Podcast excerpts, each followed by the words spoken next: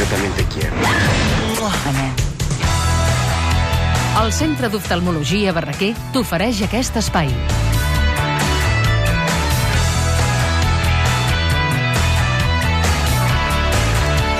Avui, Gorina, tenim un res, un momentet per fer un apunt, tot i que volíem respondre... Marissa, quina era la resposta a la pregunta que ens ha fet avui l'Empar Moliner? La resposta era l'Albert, el personatge que interpreta el Sergi Mateu, i hem de dir que tothom... La pregunta era, no entenc res. La, la pregunta era quin dels dos advocats de Sant Climent es nega... Hem dit la resposta en comptes de la pregunta, eh? La pregunta era quin dels dos advocats de Sant Climent es nega a portar el cas de la Mariona. La resposta era l'Albert, el personatge que es fa de Sergi Mateu. Ho ha encertat tothom, hem de dir. O sigui que no devia ser una pregunta gaire difícil. Però el guanyador és l'Anselm Montraveta de Solsona.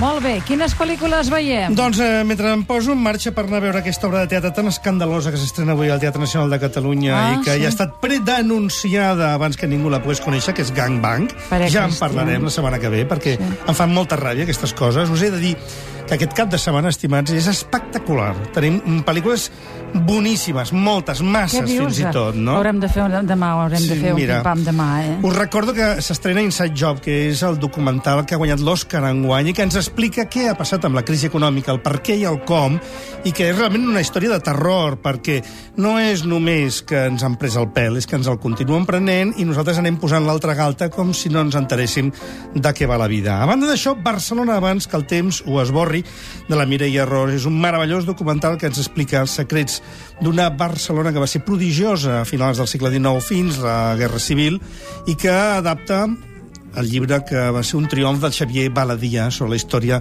de la seva família. Eh, una Barcelona eh, burgesa, evidentment, gairebé aristocràtica, però amb una empenta, amb una creativitat i amb una joie de vivre com poc ens podem imaginar avui en dia. El documental és boníssim. Us recomano també moltíssim Hall. Aquesta és la pel·lícula interpretada per James Franco, amb la que li perdonareu la pèssima presentació que va fer en els Oscar, on fa el paper d'Alan Ginsberg, un dels grans poetes eh, de la Beat Generation, adaptant bàsicament el tema de com va ser perseguit per un llibre que va ser considerat pornogràfic en el seu moment, Hall, Aullido, el trobareu editat eh, per anagrama, si mal no recordo, l'han reeditat, evidentment, uh -huh. i que és una de les obres més emblemàtiques de la literatura americana contemporània. El mèrit d'aquesta pel·lícula és que està realitzada posant-se al nivell del que és la narrativa, l'estructura mental i el món subversiu del cap de l'en Ginsberg. I, per tant, no és una pel·lícula narrativa convencional, alerta.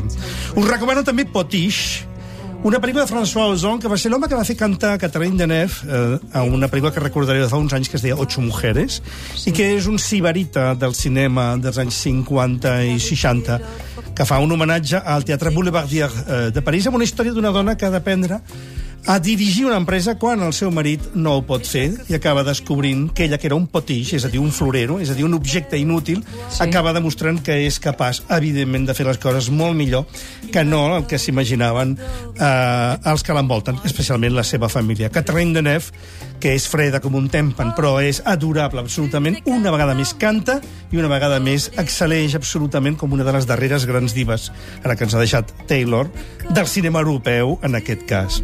Us recomano també L'último verano, que és una de les últimes obres d'un gran veterà de la Nouvelle Vague francesa, Jacques Rivette, amb una Jane Birkin adorable i que és una gran delicatessen sobre el final, els dies d'alguns arts que estan desapareixent al nostre voltant, com el del circ, per exemple, o senzillament la capacitat de ser fidel als principis. De tot plegat, aquest director en fa una visió realment meravellosa. I us puc recomanar Piranya 3D, perquè també ens cap de tant en tant una mica de riure, i que una pel·lícula de piranyes ben feta, per molt salvatge i tonta que sigui, és un moment d'entreteniment al que tenim dret també per relaxar-nos de tant en tant. I perquè no digueu que només recomano pel·lícules d'autor i tot plegat, si voleu riure una mica i passar-ho bé en colla, Piranya 3D, encara que ens prenguin la cavallera amb un 3D fals i ens cobrin més cara l'entrada. Però, en fi, si és a gust, qui diu Àlex que no? Gorina, ets un crac, eh? Ens has fet unes recomanacions sintètiques i ens has arreglat el cap de setmana. Ets un sol. Els Doncs endavant. Fins demà.